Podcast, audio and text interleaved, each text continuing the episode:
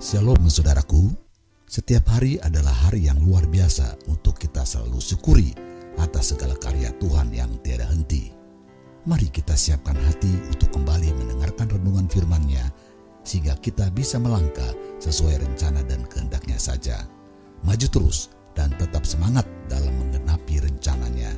Tuhan Yesus memberkati.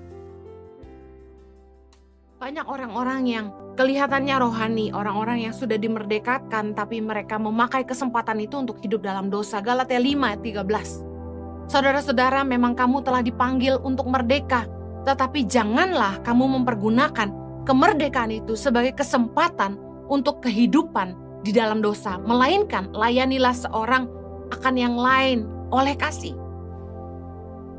Di antara orang percaya, di antara orang Kristen sering kali kita temukan ada saja orang yang memakai pakaian orang percaya, orang Kristen. Jadi ketika kita cari pegawai kita bilang ini, kalau bisa orang Kristen aja. Soalnya orang Kristen kan pasti jujur, pasti nggak nipu, pasti berintegritas, pasti takut akan Tuhan. Jadi mereka kerja sama kita. Dengan kedok, saya kan anak Tuhan, saya kan pelayan Tuhan. Tapi yang terjadi gini, mereka menyalahgunakan. Malah memakai itu sebagai kesempatan untuk hidup dalam dosa, kata firman Tuhan. Udah dimerdekakan, udah jadi orang percaya, tapi masih balik lagi dalam dosa. Nipu sesama orang percaya sampai ada bahasa gini, nggak ada bedanya orang Kristen sama orang dunia, nggak ada bedanya orang gereja sama orang dunia, sama aja. Bukankah pernyataan ini keluar karena kita kecewa dengan sesama orang percaya yang cuma kedoknya aja orang percaya. Penonton berkata, layanilah seorang akan yang lain oleh kasih. Saya kalau boleh jujur susah banget ketemu orang yang tulus, yang benar-benar apa pun yang mereka lakukan buat sesama itu dasarnya kasih bukan hanya semata cari keuntungan. Baru-baru ini kami juga ngalamin ditipu sama sesama orang Kristen. Galatia 5 ayat 14 bilang ini, sebab seluruh hukum Taurat tercakup dalam satu firman ini, yaitu kasihilah sesamamu manusia seperti dirimu sendiri. Tapi jikalau kamu saling menggigit dan saling menelan, awaslah supaya jangan kamu saling membinasakan. Kadang-kadang tuh banyak di antara kita itu bak serigala berbulu domba, nggak kelihatan, ngakunya orang Kristen, ketika awal kenalan baik-baik, tapi selanjutnya mengerikan. Saya ketemu banyak orang Kristen yang minta ampun liciknya, jahatnya, gak jujurnya, nipunya, agendanya. Wow, sampai kadang-kadang saya bilang sama suami saya, gimana ya caranya bedain orang yang benar-benar tulus sama enggak. Serigala berbulu domba. Jangan sampai kita saling menggigit, saling menelan, dan jangan sampai kita saling membinasakan. 1 Petrus 1 ayat 16 bilang ini, sebab ada tertulis, kuduslah kamu sebab aku kudus. Kalau kita sudah dimerdekakan, jangan lagi hidup di dalam dosa. Anak-anak muda dengar, orang dunia bilang free sex itu biasa.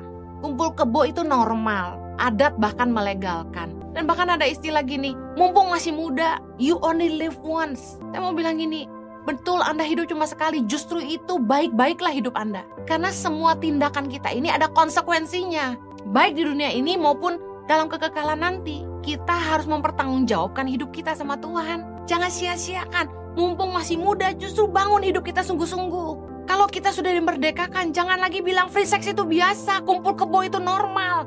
Kamu hamba Allah, bukan hamba dunia. Kita harus ngerti bahwa kalau kita udah dimerdekakan, lalu kita balik lagi ke kehidupan kita yang lama, kita balik lagi sama dosa.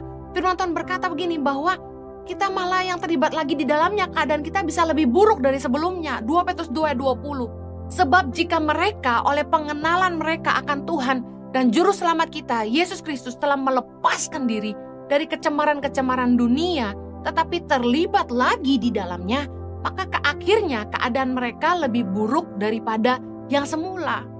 Kalau Roh Kudus sudah memerdekakan kita, sudah mengangkat selubung dari mata hati kita sehingga kita bisa mampu melihat kebenaran dan mampu melihat itu dosa, itu sampah, itu najis, itu tidak benar karena kita sudah melihat terang yang menunjukkan kepada kita jalan kebenaran. Jangan lagi kita balik lagi kepada dosa, kepada cara hidup kita yang lama. Karena firman Tuhan berkata kalau kita kita yang sudah dimerdekakan, oleh karena pengenalan kita akan Kristus, lalu kita melepaskan diri dari kecemaran-kecemaran dunia, lalu terlibat lagi di dalamnya, keadaan kita bisa lebih buruk dari sebelumnya. Kita akan jadi orang munafik, dan itu lebih buruk.